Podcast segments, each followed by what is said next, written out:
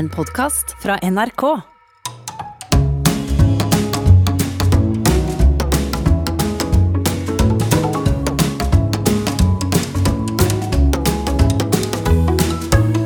Hjertelig velkommen til Sånn er du her på NRK, hvor Nils Brenna Hei. og jeg, Harald Eia, lar profilerte norske menn og kvinner ta en grundig personlighetstest, og så gå gjennom disse resultatene av personlighetstesten i ro. Men ikke alltid i mak, Nils. Nei, kanskje ikke mak. Nei, men ro er det. Og i dag skal vi finne ut hvem du er. YouTuber, skuespiller og TV-profil Herman Dahl, velkommen. Tusen takk. Herman, eh, det er ikke sikkert alle vet eh, hvem du er, men du er uhyre interessant for oss. Og av grunner vi skal komme tilbake til, eh, Nils.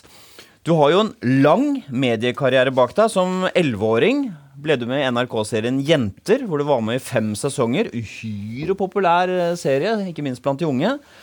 Og så, etter hvert, har du blitt en profilert YouTuber, kåret til eh, årets YouTuber i 2017. Du har vært med i TV2-serien Generasjon Z. Du har vunnet NRK-serien Maestro. Faktisk. En dirigentkonkurranse, som vi vet. Vært med i Maskorama, hvor du var eh, nummer tre. Og alt dette til tross for at du er 19 år! Ja, eh, blir i hvert fall 19 år. Ja, Ja, du er 18! Du er født i 2002. Dette er jo interessant for oss, eh, skjønner du, Herman. Fordi du er nettopp dette nye mennesket, den nye mennesketypen man stadig hører om, ikke sant? Som er det, det mediale mennesket. Du har vokst opp på TV. Du har vokst opp med sosiale medier hvor det er om å gjøre, og dette er ikke mine ord, dette er bare andre som sier det, men jeg sier det allikevel. Du har vokst opp helt avhengig av likes. Og bli beundret, få oppmerksomhet, ikke sant? Og da lurer jo selvfølgelig vi på, som personlighetsopptatte folk, hva gjør dette med en stakkar? Og, og vil vi at han skal svare på dette nå? Ja, nei, ikke nå, dette Nei, skal vi finne nettopp. ut her i dag, Nils. Nettopp, Det kan jo selvfølgelig også tenkes, uh, Herman, at du nødvendigvis ikke er så blitt så preget av dette livet du har levd, som jo er ganske spesielt, men det kan også hende at du er en spesiell type som på en måte uh, liker deg og nyter dette livet. Trek, trekkes mot det. Det skal vi også finne ut av. Ja. Jeg er spent, jeg. Ehm, jeg gleder meg til å høre tilbake på det her om noen år, fordi man er jo i en fase hvor man prøver å finne seg selv. Helt riktig. Så den personlighetstesten her burde jeg jo ta om ti år. Uh, Du aner ikke hvor uh, presis du er nå, min venn. Ja, Harald, vi kan jo si det at vi har vært inne på det noen ganger tidligere at Herman er nå snart 19 år, ikke sant? Uh, I snitt så setter vel personligheten seg sånn når det er 27, 28, 29, 30 år. ja, Så du er, vi er leire som er størkna. Ja. Du er fortsatt leire man kan prege. Ja, og det syns jeg er veldig spennende. Dette mediale mennesket ikke sant? som da øh, legger ting på YouTube og ser hvordan man blir likt og får masse oppmerksomhet. Eh, klisjeen eh, når det gjelder dette mennesket, er jo at det er et slags tomrom her, Herman. Jeg sier det som det er. Eh, forestillingen, i hvert fall hos meg, er at det er et slags vakuum som skal fylles. Et indre vakuum du har, med oppmerksomhet, ikke sant? beundring. Så derfor tenker jeg at Herman scorer ganske høyt på det første personlighetstrekket, nemlig nevrotisisme. Nevrotisisme det handler jo om eh, negative følelser. Hvor lenge negative følelser sitter i deg, hvor sterke de er. Og vi begynner med den eh, underdimensjonen, den eh, siden ved nevrotisisme som kalles selvbevissthet. Det handler om angst i sosiale situasjoner. Kan du være sjenert?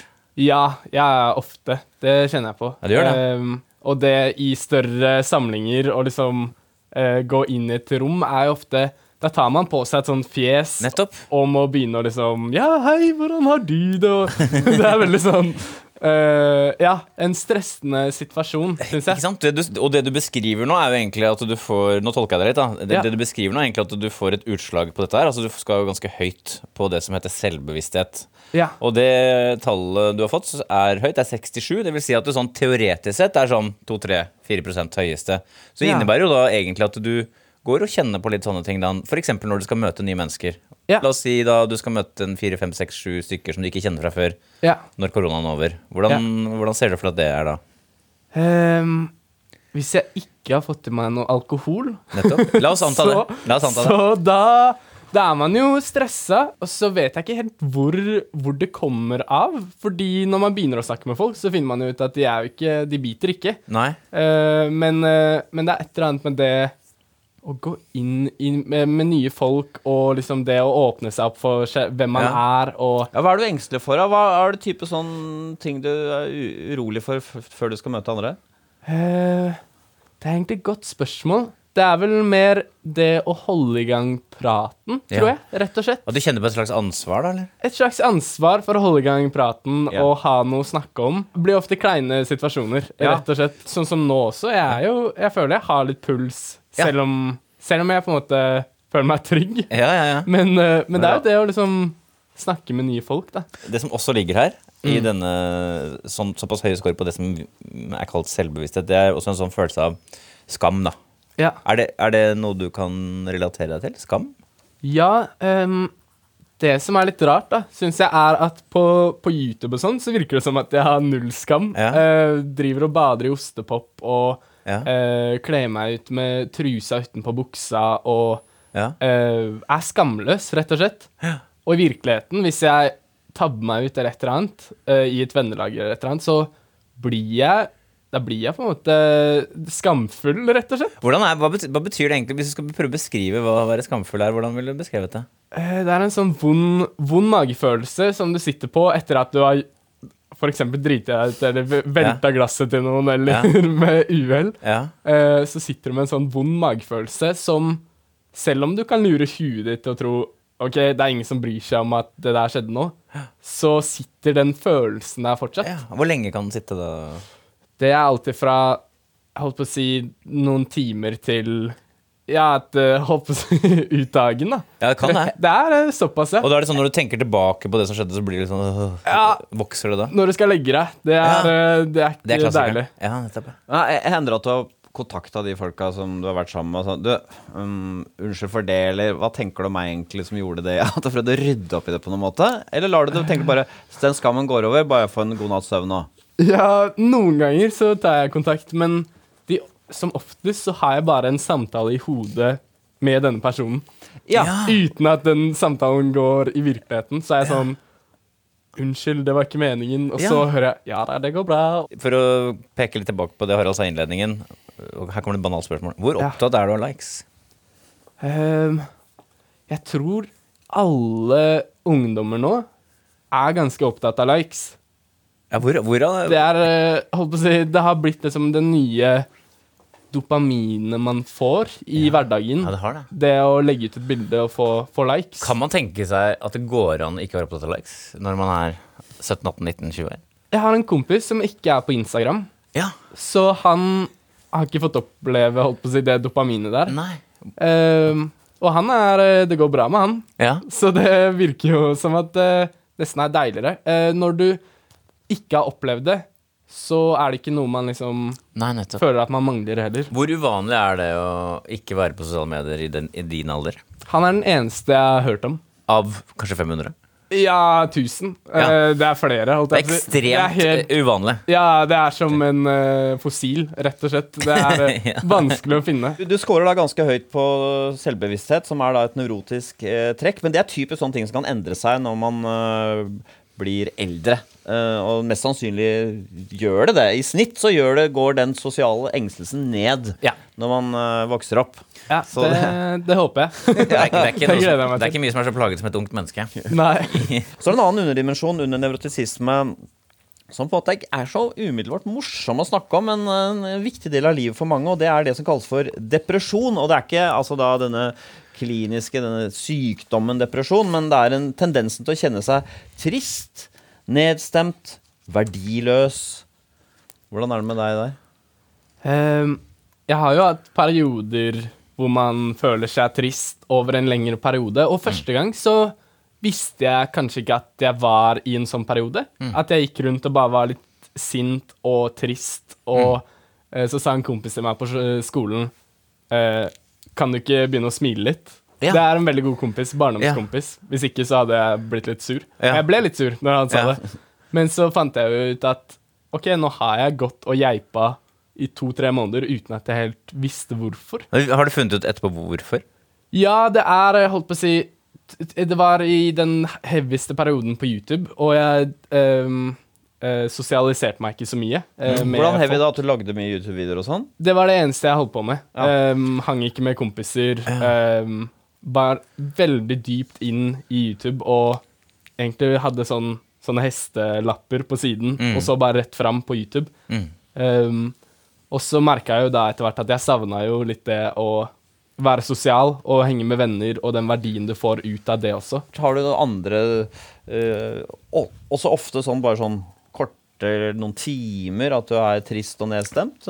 Ja, i, av og til så Nå vet jeg ikke hva definisjonen av bipolar er, men, eh, men av og til så kan jeg føle meg litt bipolar. At idet jeg går inn i et rom og sier hei, og så halla, og så veldig glad, og så går du ut, og så Det er bare droppa Og da synker det helt. synker det. Og så er man litt sånn OK, hva skjedde nå? Hvordan, hvordan var jeg her? Og så plutselig er jeg der. Um, så, så ja, men eh, sånn på kort basis òg, så kan man føle på det å Ja. plutselig være veldig glad, og så veldig, veldig trist, uten å helt vite hvorfor man er trist. Tallet du har fått her, er 62, som ikke er skyhøyt, men det er sånn et tydelig utslag. Det vil si at du hva skal jeg si, har tilgang på kjelleren, for å bruke et sånt uttrykk. Ja. Men så har du også på positive følelser så har du sånn eh, gjennomsnittlig mot høy score, så, så det betyr at du kan nettopp gå opp og ned mellom eh, høyt og lavt. Positive Ja. følelser er et ekstrovert trekk som Ja. er på en måte en annen bukett. Det er riktig. Bukett Men det er, ikke, det, er ikke, men det er ikke gitt at du, du kan eh, bare fordi du kan gå ned i kjelleren. Det fins jo folk som bare uh, kan gå ned og ikke Ja. noe særlig opp. Ja. Men du har jo tilgang på det som er oppe også, da, for å si det sånn. Det, det er jeg glad for. Denne depresjonfasetten, eller underdimensjonen, den rommer også skyldfølelse. Ja. Uh, og det kan være litt sånn abstrakt, men det, det er vel en sånn følelse av at man har gjort Ikke at du skammer deg over at andre syns du er dum, eller noe sånt, eller gjør dumme ting, men med en sånn skyldfølelse å føle å ha gjort uh, gale ting. At du er liksom uh, At du, du er skyld i et eller annet uten at det egentlig kan knyttes Dårlig samvittighet. Har du, har du mye dårlig samvittighet, f.eks.? ja, det vil jeg si.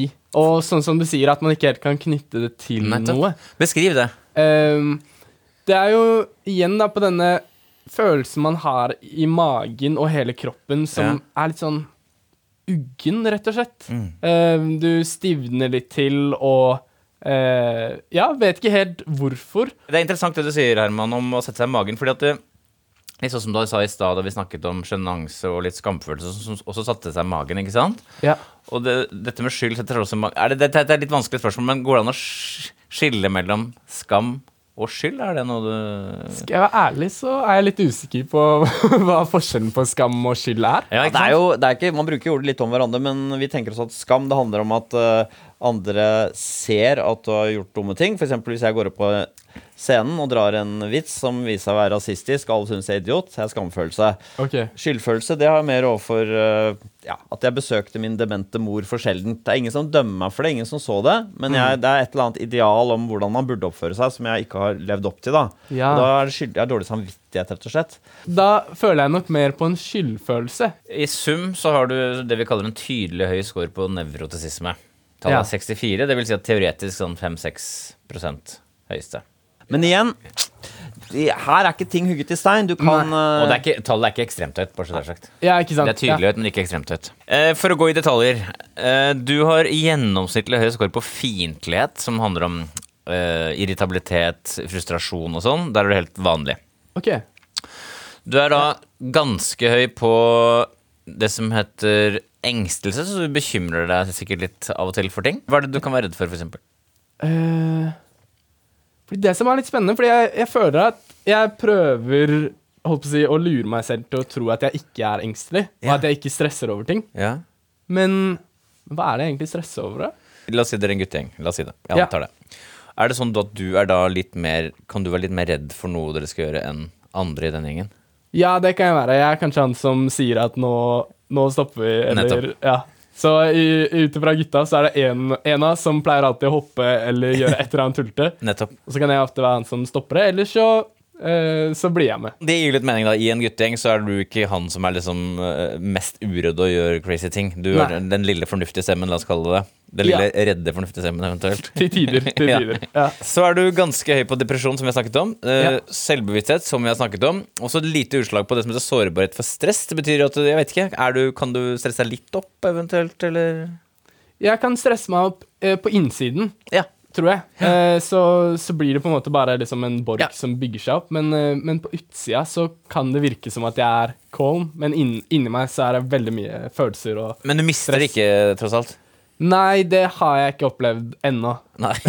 Du holder åpent? Jeg holder, holder åpent. Ja, det, jeg tror det er eh, Jeg holdt på å si Er ikke det en selvfølge at det må skje en gang? Ja, det er ikke det alle som gjør det av stress, tenker du på. Mister hodet, liksom. Ja, kanskje- kanskje ikke av stress. sammen. Rett og slett bare av, eh, av å gå på veggen. Ja, det kan det Ja, nei, vi, vi kan komme tilbake til om du er en sånn type som ligger an til å møte veggen. Vi Ja. har en hypotese om det. Og vi må bare si dette igjen, Herman, for vi føler vi er litt sånn øh, At vi holder litt sånn dommedag over det her. Men uh, du er altså da fortsatt uh, i utvikling, så det at vi da uh, nå diagnostiserer deg som en nevrotiker, så betyr ikke det at du kommer til å forbli det.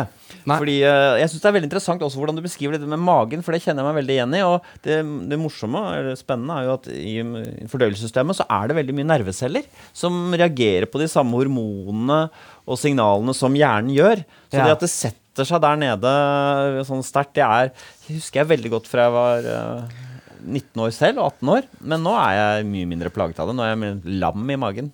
Så blir jo spørsmålet da, Herman. Du utsetter deg selv for uh, den, den oppmerksomheten og går opp på scenen og utsetter deg for stress ved å være med på alle mulige TV-programmer og sånn. Hvorfor gjør du det når du er så plaget? Svaret, tror jeg, bør helst ligge i neste personlighetstrekk. Vi skal se hvordan du ligger an på ekstroversjon. Ekstroversjon det handler om hvor mye kick og energi man får av uh, stimuli, av den ytre verden. Men også hvor mye man uh, stråler ut, av hvor sprudlende man er. Men vi begynner med den underdimensjonen som heter spenningssøken. I hvilken grad man søker spenning og opplevelser som gir da sterke kick. Du nevnte jo at du øh, kanskje var den litt redde i gjengen, men får du likevel kick av å gjøre litt sånn halvfarlige ting, eller hvordan er det?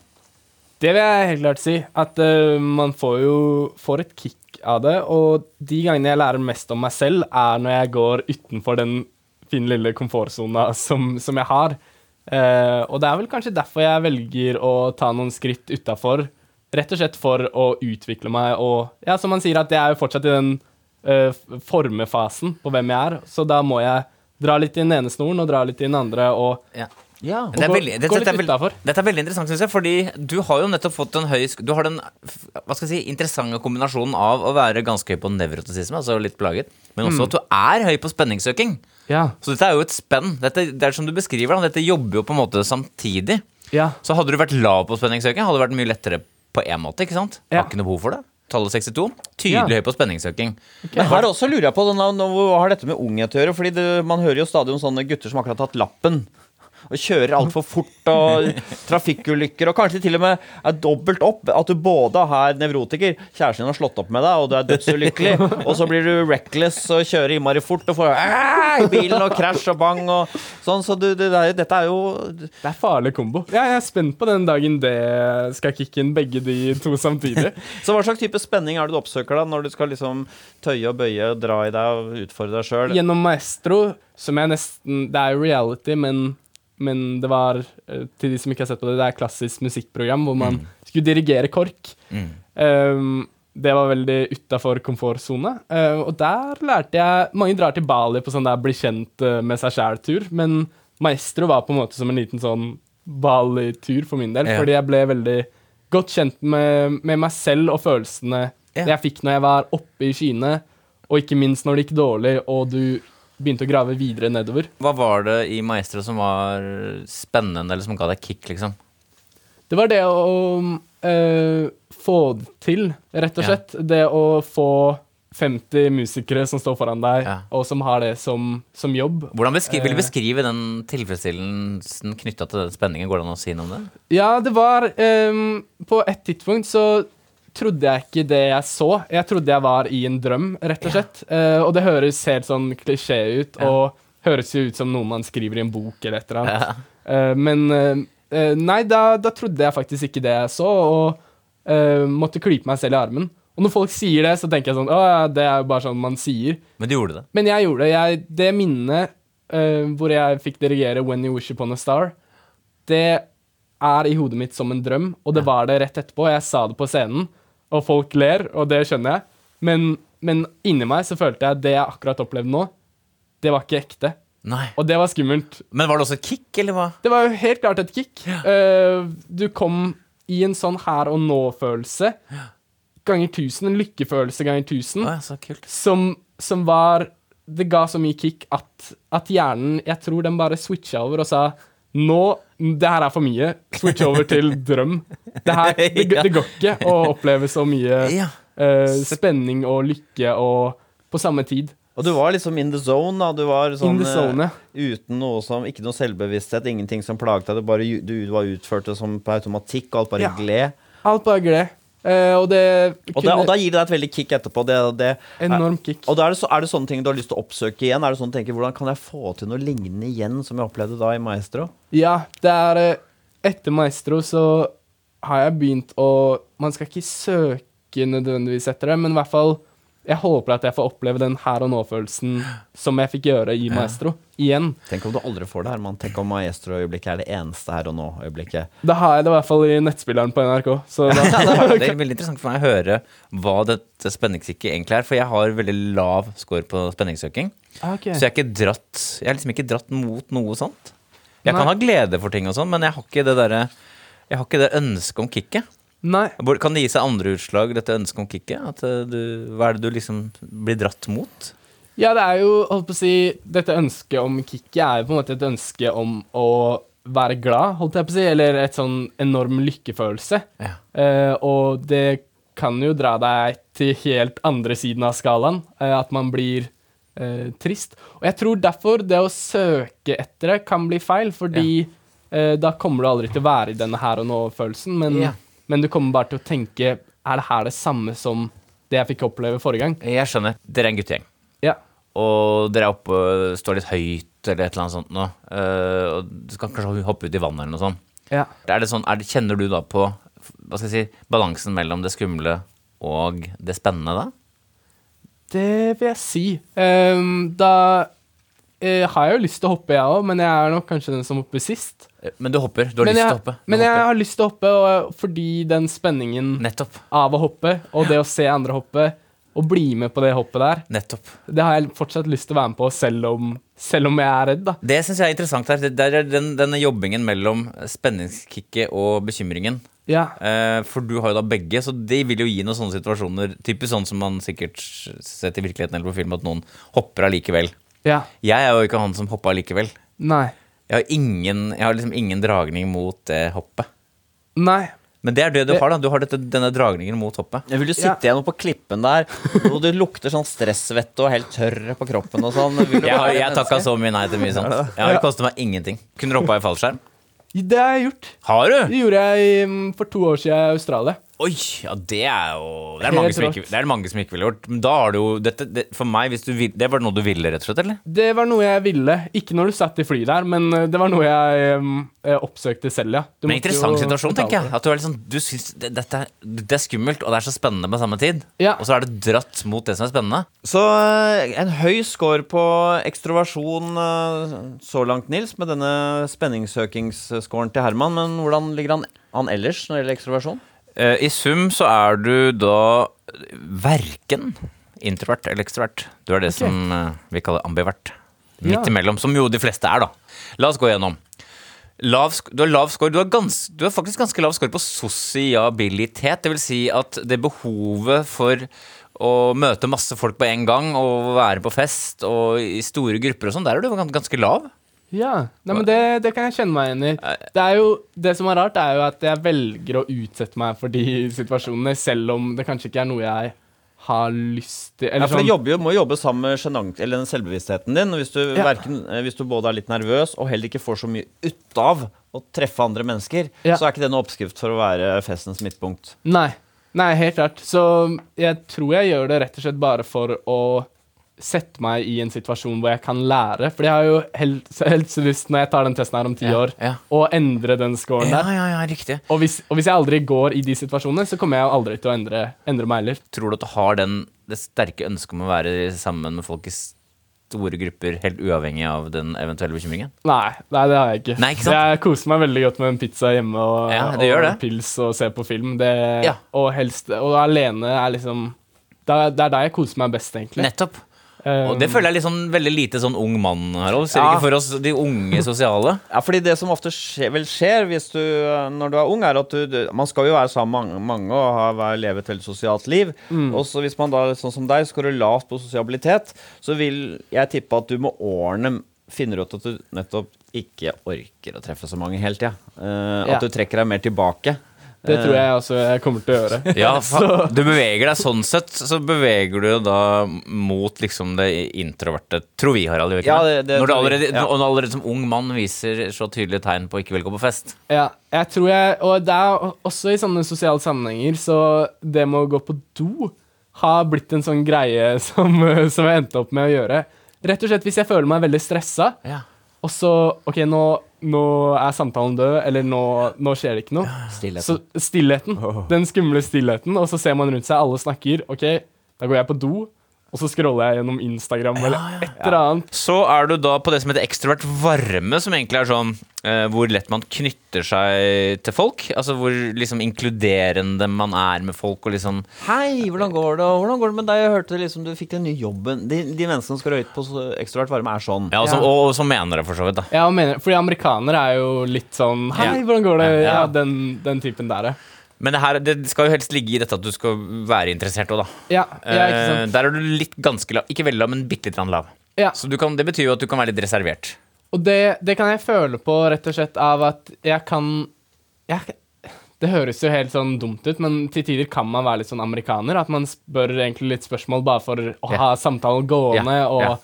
Litt tilbake til det med det, den stillheten som, Ja. som er så skummel. Men, For, du synes, for, deg satt litt på spissen, så kan du si at du gjør jo det for å slippe den litt sånn ubehageligheten. ja, Ikke i- Ikke fordi at uh, Ja, hva skal man si? Jeg- Det er, det er bare det at jeg bryr meg, men, men så stresser jeg så mye inni meg at jeg ikke helt får med meg hva som skjer. ja. så, så det er sånn Hei, hvordan går det? Og så Ja. Ja, det, eh, eh, bestemor døde eller noe eller annet. Og så Ja. Ja, men så bra! Det, Ja, så bra at hun fikk slippe. For det er, jo den, det er jo egentlig bare en indre kamp, dette, Harald. Det, det, er en, Ja. det en fyr som bare ikke skal være plaget, og så sender han ut noen høflige setninger som han Ja. ikke tar inn svarene på. Jeg har begynt, å stoppe litt med det. um, rett og slett fordi jeg selv følte at det ble dumt etter hvert. Og Ja. bare, holdt på å si, ikke, ikke være interessert. Ok, så er du uh, gjennomsnittlig høy på selvmarkering, dvs. Si at du er tydelig til stede som andre folk. Og så er du gjennomsnittlig høy på aktivitet, dvs. Si energi og livstravelhet og sånn. Der er du som et vanlig menneske. Så er du touch av høy på positive følelser, som vi har vært inne på. Dvs. Si at du har en viss mengde glede og begeistring i kroppen. Og så er du da høy på spenningssøking, som vi har snakket om. Altså midt på treet i sum på ekstraversjon. Ja, men allikevel, du har, du har høy score på dette med spenningssøking, som på en måte bekrefter min hypotese om at dette mediale mennesket syns det er får kick av å være i rampelyset, da. Nettopp, det er godt poeng, Harald. Men uh, mm. lavt på det at du, liksom, at du får så veldig mye sånn utrolig mye glede av det, eller at du er så opptatt av å bli elsket av alle, at du derfor oppsøker eh, de sosiale mediene. Så det passet ikke helt med min hypotese, men eh, vi fant noe her. Eh, først og fremst virker du som en sånn eh, gæren soldat, eh, mer enn en eh, YouTube-helt, da. En bekymret, men spenningssøkende soldat.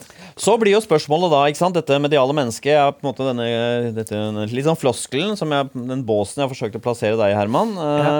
eh, litt åpen på hvordan man ligger an på neste personlighetstrekk, ikke sant. Er et sånt en YouTube-helt, er det en selvopptatt egoist, eller er det et, en som elsker menneskene rundt seg? Klisjeen er kanskje det første, at man er litt sånn selvopptatt. Narsissisten, ikke sant. Så eh, mitt stalltips er Herman skårer lavt på trekket medmenneskelighet. Medmenneskelighet det er et personlighetstrekk det, som ikke handler om å, det vi tenker på om å være sånn eh, medmenneskelighet til daglig. At å være sånn moder Teresa som bare gir bort alle pengene sine. Og, og, eh, sånn. Det er litt i slekt med det. Det er bare at det ikke er en sånn der, det er ikke et godt mot et dårlig menneske. Det handler om man er medgjørlig når man møter andre. Eller om man møter andre med piggene ute, sånn at det er mer friksjon. ikke sant? Ja. Um, og da begynner vi med den underdimensjonen som nettopp uh, fanger opp dette med medgjørlighet. Det kalles for føyelighet. Når det å være føyelig, ikke sant, du føyer deg, da skårer du, høyt på medmenneskelighet fordi det, oppstår en krangel, setter opp en revy, så blir det en diskusjon om eh, Jeg bruker bevisst revy, fordi jeg tenker at det er en veldig sånn grunnleggende sosial erfaring fra videregående skole. Så oppstår en diskusjon og en krangel, så gidder man ikke være med på den krangelen. Man føyer seg, trekker seg litt unna. Men, eller man kan være score lavt på føyelighet. Er man konfronterende. Man går inn og tar den fighten. Nei, jeg syns ikke det er morsomt, jeg syns det er over streken. Herman, hva er du en føyelig type? Føyer du det? Fint. Eh. Føyelig Jeg prøver å unngå ehm, rett og slett eh, krangler. Det er akkurat eh, det dette er et uttrykk for. Ja. At det, det, når man sier det, så betyr det at man går i føyelig retning. Tallet er 66, det vil si at du er meget tydelig en føyelig person. Det vil si at du er ikke en fyr som folk vil si 'fy fader, så kranglete Herman er'. Okay. Det er det ikke mange som ville sagt, eller? Nei, det, tror- det tror jeg ikke. ikke. Så du er konfliktsky, kan man si det, eller? Konfliktsky, ja. Det vil jeg påstå. Uh, og det som er dumt, er jo at jeg vil jo påstå at alle har jeg holdt på mening. Det er bare man gidder ikke å komme med den Nei, nettopp. Eh, for å skape noe trøbbel. Men det som er dumt, er at den, du har fortsatt den meningen. Ja, nettopp. Så du ender opp med å gå hjem, og så er man sånn Faen, hvorfor, Ja, ja, ja, hvorfor gjorde jeg ikke det? Du har jo ganske høy score, og ifølge da fasiten, testresultatet, så kan folk som har så høy score som deg, ha vanskelig for å vise sinnet sitt, eller å sette grenser og stå på sitt. Ja. Har du problemer med å vise sinnet ditt, f.eks.? Ja, det har jeg. Eh, Det er veldig Jeg tror ikke det er så mange av vennene mine som har sett meg sint. Og de gangene de har sett meg sint, så er jeg jo fly forbanna. Ja, da er du da det virkelig koker det over. Det er rett og slett fordi jeg Jeg tror, jeg tror ikke det at, at jeg ikke er sint, det er bare det at jeg ikke viser at jeg er sint. Nettopp. Så jeg bare lagrer den sinthetsfølelsen i et, et sted i kroppen, og så kommer den når en dråpe har tikka over. Ja. Så, så egentlig så skulle jeg ønske at jeg var mer som en av kompisene mine som, som er litt sint hele tiden, og, og veldig glad og holdt på å si ekstrovert. Ja. Men, men han blir aldri helt forbanna, rett og slett fordi Han ventilerer ja, ut. Ja, å, shit, det, faen så dritt, nå mista jeg det, eller Uh, Ja, nå Han får det ut når det er der, og ikke sparer det. Det vi snakker om er lav føyelighet, ikke sant? Eller føyelighet og høy føyelighet. Ja. Uh, Det som du også snakker om, er det som heter fiendtlighet. Det vil Ja. si på en måte hvor mye lager man har av irritabilitet og sinne og sånn. Grums. Ja. Der har du gjennomsnittlig høy, så det betyr jo at du har en del av det. Du har ikke Ja, okay. skyhøyt eh, nivå av det, men du har Nei. det. Du er ikke lav. Nei. For det fins jo, det vi skal klare, er det jo folk som er veldig lave på fiendtlighet, Ja. som ikke har noe grums. Nei, som syns det er helt Og da er det ikke noen da, da er, det, er utro, eller Nei, nei altså, Ja, ja, Jeg bare- grense. Drap. Jeg bare, ja, ja, samme. Jeg drepte bestemora di. Alle skal til slutt. Sånn er det. Men de som er lave fiendtlighet, de har ikke så mye å ventilere ut heller. Ikke Nei, sant? ok, ja. men, du, men det som er interessant med deg her, er at du har en viss mengde av denne fiendtligheten. Ja. Men med denne høye scoren på føyeligheten, så er det jo litt sånn som du beskriver, at det kommer ikke så ofte ut. Nei. Ikke sant? Så, og hva som liksom er riktig strategi, da, Harald, det vet jo ikke vi helt. Altså, er det Ja, du, jeg hører du, Herman, du har en slags sånn trykkokemodell. At uh, før eller siden så vil det eksplodere. Ja. Men uh, det, det er ikke sikkert det vil det, nødvendigvis. da Det kan jo hende at du, du blir fornærmet og irritert. Ha, hvorfor sa jeg ikke fra? Og så er det ikke sånn at det lagres som en sånn klump som blir uh, Som før eller siden du må betale tilbake den uh, innestengte siden. Men sånn er det mange som ser på det. Ja, det er mange som tenker sånn. Men det kan du avkrefte nå, ja. på, jeg, ja, okay, men det er digg å vite at det kanskje ikke blir sånn, da. Men jeg ser på det sånn nå at um, hvis jeg holdt på å si, jeg har krangla med en kompis, så han ene kompisen han klarer da neste gang vi møtes Halla! Det, det har ikke skjedd noe, vi var ferdig. Nettopp. Mens jeg sitter igjen med Jeg fikk ikke ut det jeg ville si. Ja, det er godt poeng. ja. Og der, holdt på å si Da Jeg kommer jo meg over det. Det er bare det at jeg da, I noen dager så er man litt sånn Man Ja. er bare litt sånn eh, Man gidder ikke å være glad igjen fordi da viser man at liksom, det gikk bra. Ja. Nettopp. Ja, du er straffer litt- sånn innpassiv-aggressivt, nesten. Du straffer de innpassiv, og det er så tullete, fordi, fordi det hjelper jo ingen. Uh, rett og slett at, at man bare er rundt og furter, og så får du det ikke ut. Og da det er, det er noe jeg vil legge fra meg. Ja, ja, men er det sånn som Har du krangla mye opp igjennom, eller, med folk? Jeg prøver jo å unngå det. Ikke sant? Eh, ja, det så Hender at du sier ja til ting selv om du egentlig ikke har så lyst? Sånn ja. ja, det er vel der hele problemet starta. Ja, det gjør det. Ja, Hva ja. kan jeg være, da? Eh, Maestro? ja, maestro. Alt ifra, alt ifra større ting sånn som Ja, maestro, det hadde jeg lyst til å være med på, men Ja. uh, alt ifra liksom uh, Så trist som det å henge med en kompis en dag, at det orker jeg ikke, men jeg bare sier ja, Ja. Uh, til at um, kunne du kjørt hjem han, eller kunne du Og så ja, Seff, og så prøver jeg liksom å være så hyggelig på det. Ja. Og så vet jeg at inni meg at det, det er jeg ikke så gira på. Så, så det er vel der det ja Diana har bringt meg der jeg er i dag, at jeg får holde på med YouTube og tok, tok uh, ja til uh, skuespillerjobb, tok ja, Til Ja. det tok ja til det. Så, så ja har jo fått meg Ja. der jeg er. Men Ja, Så det, der fins gode ja og dårlige ja i livet ja, ditt? ja, og det er vel Det er vel det jeg må lære meg å skille mellom etter hvert. Um, at hvor mye gir meg i forhold til hvor mye det tar fra meg, Ja, ja. og vil håper Det er jo dumt å si ja, og så ender begge opp med å få en negativ følelse. Ja. Eh, så da burde man jo bare takka nei, selv om det gjør vondt der og da, men ikke over et lengre basis. Vel, det er tydelig medmenneskelig trekk, da. Herman er føyelig, ikke sant. Det er fin å ha med å gjøre, selv om han kanskje ikke mener at han er med på notene, så virker han i hvert fall som han er med. Men ellers, hvordan ligger han an på medmenneskelighet? Altså Du er gjennomsnittlig høy på altruisme, som er det motsatte av egoisme. Det vil si at du er hjelpsom som et annet vanlig menneske. Du er eh, gjennomsnittlig høy på det som heter rett fremhet. Det betyr at du verken er veldig taktisk eller må si ting rett ut til enhver tid. Ja. Så er du touch av høy på beskjedenhet, eh, som kort fortalt at du Du er ikke noe selvgod-type, i hvert fall. Skryter Du ikke. er ikke, en, du er ikke en selvgod fyr. Nei, det, jeg prøver å sette meg ned, rett og slett, hvis jeg er på Ja. et vors eller med nye Ja. folk. Og du har, anlegg, altså du har naturlig anlegg for det også, ikke sant? Eh, Ja. Så du er ikke den selvgode YouTuber, hvis noen skulle tro det. Nei, det håper jeg i hvert fall ingen har inntrykk av. Nei, det tror jeg ikke heller. Eh, så er du da eh, gjennomsnittlig høy score på tillit. Du er tillitsfull som andre mennesker. Og så er du gjennomsnittlig høy på følsomhet, som betyr at du er eh, hva skal jeg si, kort fortalt empatisk som et annet vanlig menneske. Og så har du én høy score, og den er meget høy, som vi har snakket om. Føyelighet. Den er på 66. Og i sum så er du da snitt touch av høy på medmenneskelige tallet 54. Ok, ja, Altså, Du er ikke den, eh, den, denne klisjeen, den narsissisten som da ikke bryr seg om andre. Du er mer vanlig, rett og slett. Ja. Alltid skuffende å finne ut folk at du er midt på treet. Altså Det eneste tydelige trekket ditt er egentlig at du er føyelig. ja, og det er vel den jeg skal jobbe på til den tiårstesten. Eventuelt ikke, ikke men du, jeg vil si kanskje litt, men ikke veldig mye ned. Nei, men ja. Jeg tror, jeg tror jeg må jobbe på den. Ja da, Men hvis det går utover deg selv, så skal du selvfølgelig ta hensyn til det. Ja, sant, sant. Vel, uh, dette da, dette nye mennesketypen som jeg har skissert opp her, uh, som uh, omfavner det nye, alle disse nye sosiale mediene, tilsier jo da at man scorer høyt på neste personlighetstrekk. Kanskje det gjelder deg også, Herman. Og nå skal vi se hvordan du ligger an på åpenhet for erfaringer.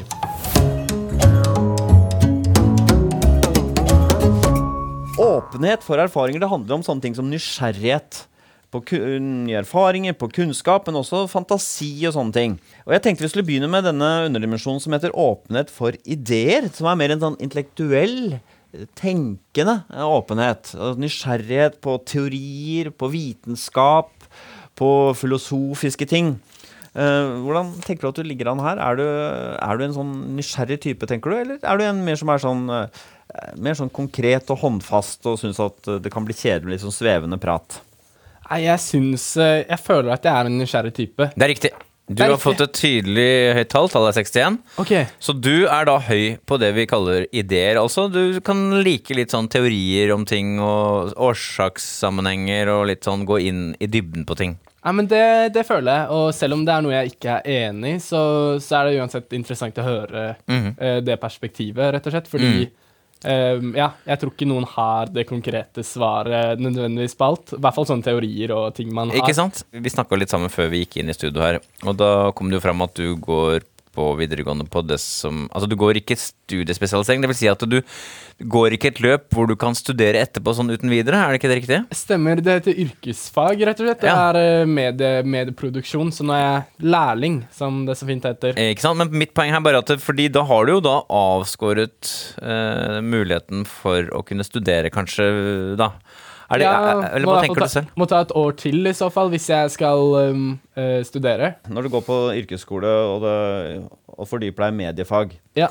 uh, så er du da interessert i eh, selvfølgelig å lære deg konkret og håndverket som det å lage videoer og sånn er, men er du også interessert i på en måte teoriene bak? F.eks. du kjenner til dette med aksebrudd. Ja. At når du skal filme to mennesker som snakker sammen, Mm. uh, og klipper mellom et ansikt som snakker til et annet ansikt, så må du filme på forskjellig At blikket er på venstre side av kameraet.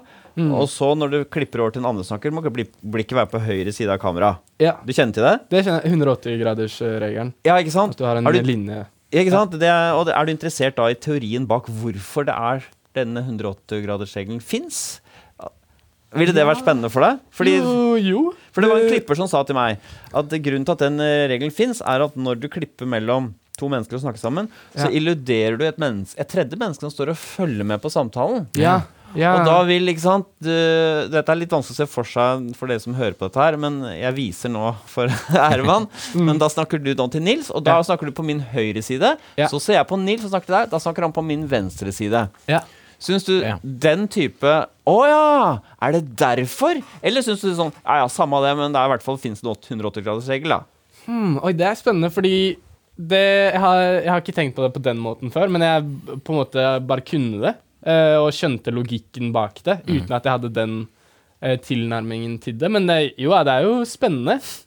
Ja. Ja, det er sånn kjempe, ja. ja, det er sånn, ja, jeg tolker jeg, to- jeg, jeg, Hva skal man si? Jeg, jeg, vil kommentere, jeg kan kommentere, fordi at vi har jo hatt folk her som er lave på ideer. Ja. Du merker jo mye fort at de faller fra når du går inn i sånne ting, Harald. Det Ja. gjør ikke du, Herman. Nei, jeg, opplever at du følger med på det Harald sier. Jeg syns det er spennende. Det er Ja. bare at det virka ob eller sånn obvious på, Ja. eh, på et eller annet vis. Ja, det men, eh, men det er fortsatt spennende. Ja, det synes Ja. jeg er. Sånn sett. Men du er liksom påskrudd når den praten går. Det merker jeg at du er. Men det hadde, for å ta en Cess ville ikke vært det, liksom. Cess Steinmann Næss ville ikke vært interessant. en, en morsom underdimensjon under åpenhet for erfaringer er det som heter fantasi, altså kreativitet og forestillingsevne. Um, har man eh, en levende fantasi, et aktivt fantasiliv, så scorer man høyt. Har man ikke det, så skårer man lavt, for å si det veldig enkelt. Hvordan, eh, Herman, med deg, er du en som tenker mye rare tanker og fantaserer, eller er du litt mer mm, Ja, du dagdrømmer sjelden og har sjelden sånne fantasileker i hodet. Det er mye dagdrømming. Ja, du har fått et meget høyt tall. Ja. 66. Eh, Ca. 5 høyest. Så i en gruppe på 20 så er du den som er høyest da, i snitt. OK, gøy. Hvordan er dette foregår? Jeg kan røpe her at Harald høy score, jeg er lav. Så kan ikke du forklare meg hva dette er for noe? Hva er denne fantasien?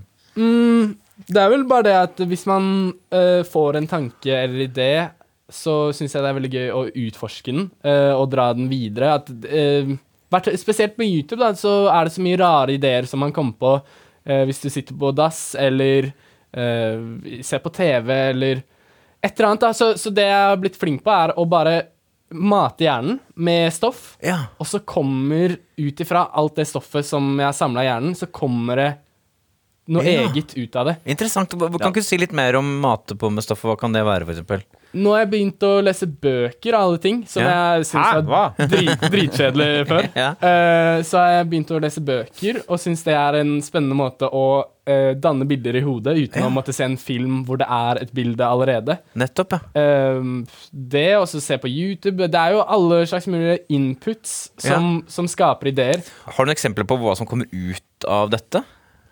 Ja, Uh, det å mate hjernen ender opp med at du plutselig får eh, så rare ideer, plutselig, som er liksom at du eh, binder ting du har sett sammen. Ja.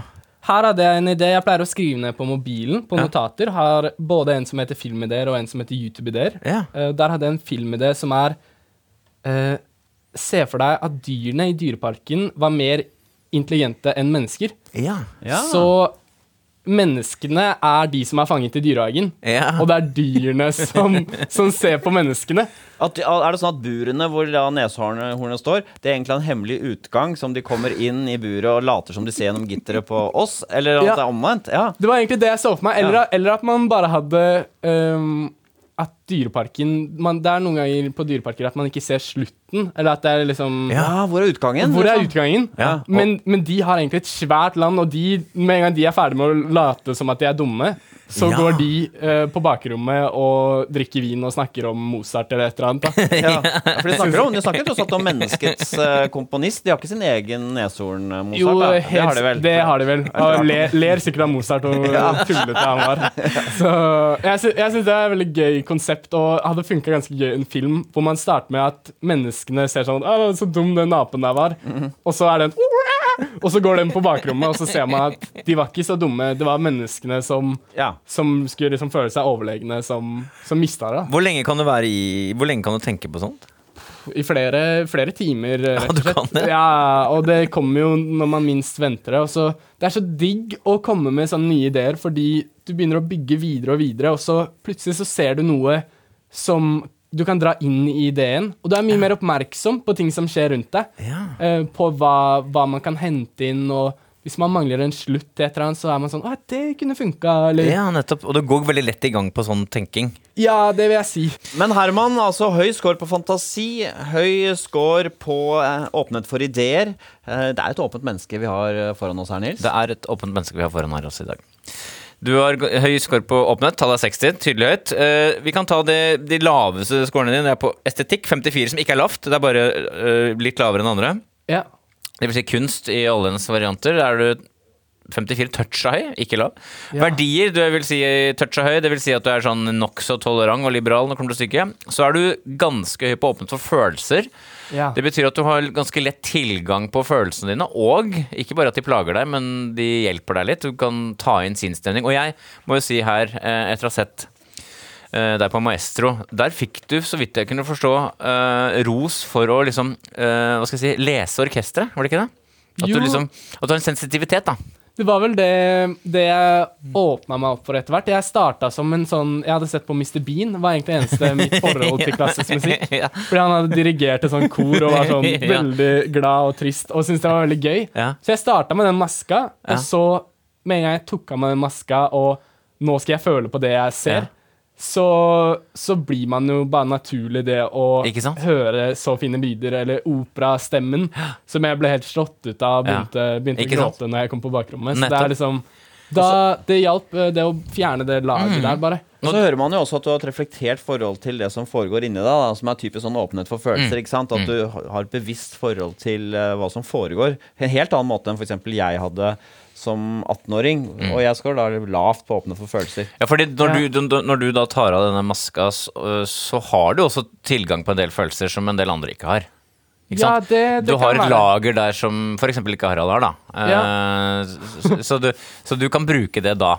Så du har tilgang på følelser, rett og slett. Det er det det betyr. Tilgang på følelser, bare at jeg ja, eh, gjemmer meg bak denne maska. Fordi det, det er jo tilgang på alle følelser. Ja. Så det er jo både trist og positivt. Og så har du høy score på ideer, som jeg snakka om, fantasi, som jeg snakka om, og så har du høy score på handlinger, som betyr at du liker variasjon.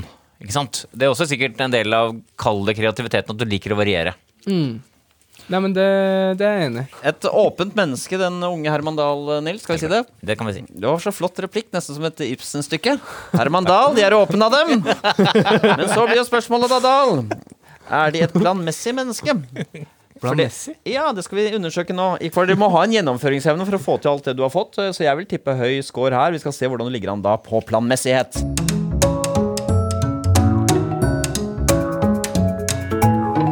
Planmessighet, det er eh, Eller planmessighet, som det vel egentlig heter. Mm. Men på Rykken sier vi planmessighet, der hvor jeg kom fra.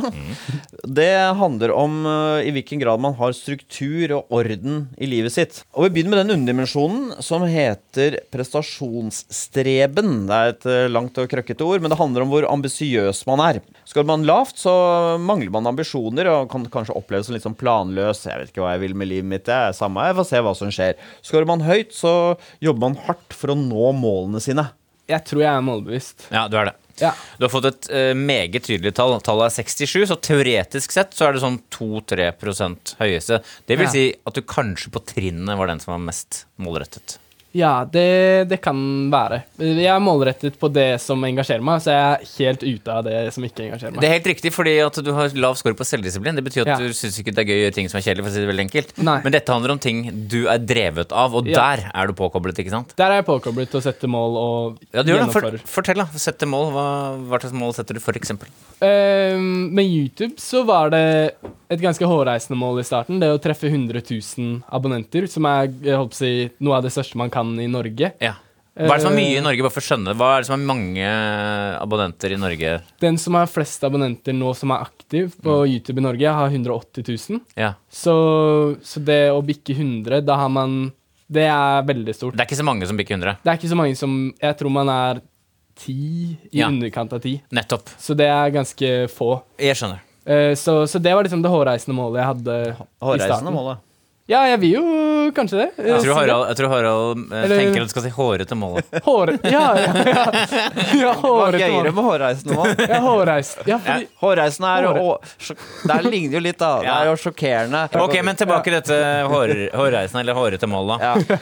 Eh, ok, er det, det er et eksempel, ikke sant? Eh, mange, er det, eh, og da, hvordan jobber du da når du har satt dette målet, hvordan jobber du da for å nå med dette målet? Um, jeg deler det inn i delmål. Ja, du gjør det? Uh, fordi det å ha et hårreisende eller hårete mål Ja, er jo, holdt på å si Det er jo veldig lett å si. nettopp. Men det å gjøre det er jo noe helt annet, og da må du breake det ned. Hvordan skal jeg klare det? Jo, Nettopp. da må jeg laste opp to videoer i uka.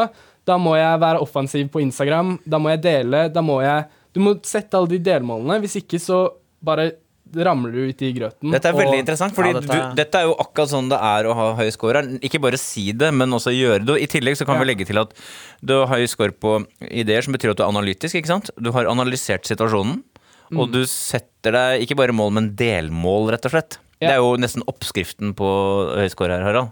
Og du har jo så høy score at ifølge vår test så øh, vil du jobbe så mye at det går utover øh, eget velvære iblant. Ja, Stemmer det? det stemmer. Eh, men jeg har velvære i korte perioder. I lengre perioder så jeg er veldig glad for at jeg har hatt intensive perioder hvor jeg har klart målene mine, fordi den Det er jo tøft holdt på å, si, å holde på og ikke henge med venner og bare fokusere på én ting, men, men den eh, følelsen du får når du kommer til målet, er verdt den jeg holdt på å si, kortvarige følelsen. La oss si at du ikke får gjort det. Mm. Hva ville det gjort med deg å ikke kunne tilfredsstille denne kraften? Det blir jo et tomrom, da, hvis du ikke oppnår det målet du klarer eller eh, har. Er det sånn du ser for deg liksom ti år frem i tid? Kan du se for deg hva du gjør da? Ja, jeg håper at jeg kan være regissør.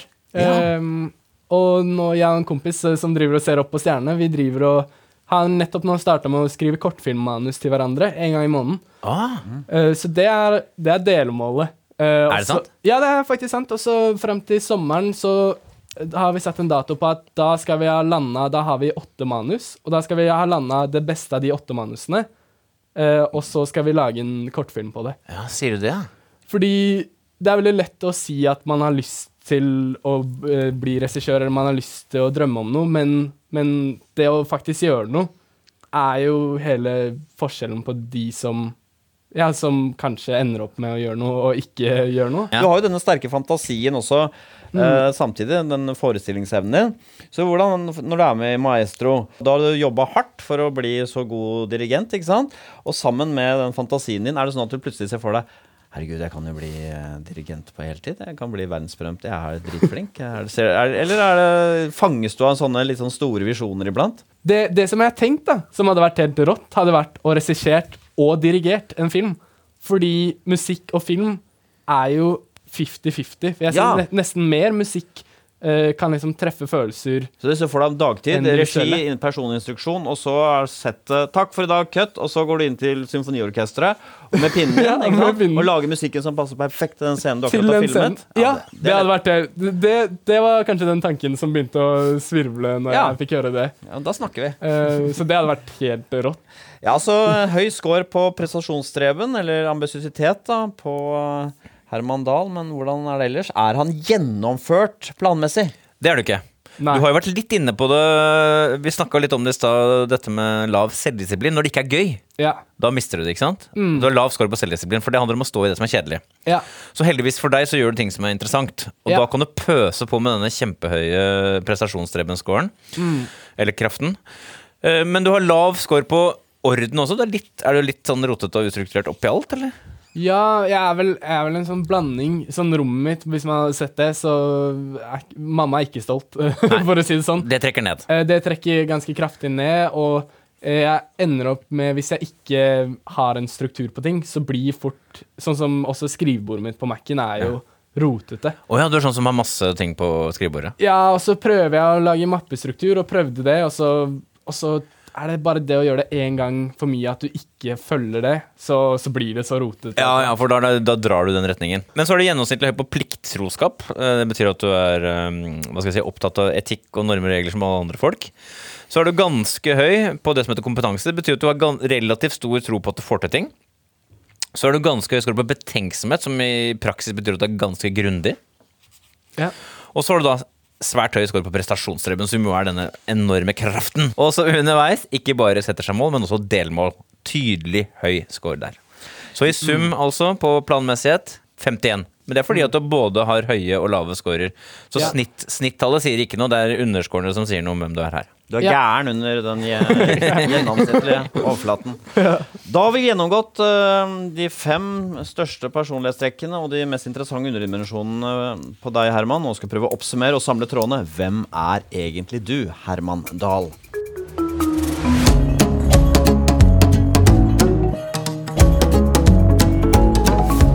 Herman, vi startet ut med denne hypotesen om at du var et sånn uh, ektefødt barn av den nye medietid. ikke sant? Eh, hele tiden være til stede på scenen, og dermed hadde skapt meg noen ideer om hva slags menneske du, du måtte være. Jeg traff ikke helt blink med fordommene mine, men det vi oppdaget, er jo at eh, du har en veldig interessant profil. For å oppsummere, og hadde jeg bare sett resultatene på papiret, så hadde jeg vært bekymret. For, for å oppsummere så er du en plaget spenningssøker som er medgjørlig og vil bli best.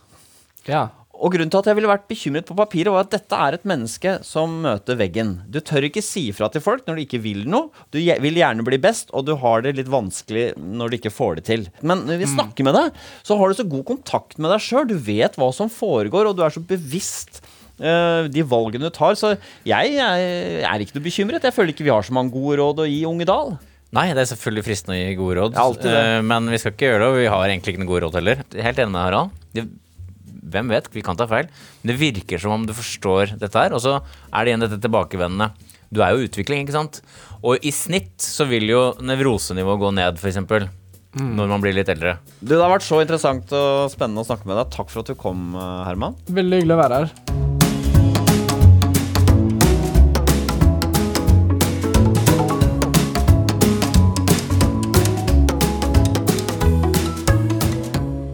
Denne podkasten er laget av Harald Eia og Nils Brenna. Tekniker Jyrki Savenius, klipper Jesper Topstad. Sånn er du er produsert av Feelgood for NRK. Redaktør i NRK er Jan Egil Odland. Hør flere episoder i appen NRK Radio. Du har hørt en podkast fra NRK. Hør flere podkaster og din NRK-kanal i appen NRK Radio.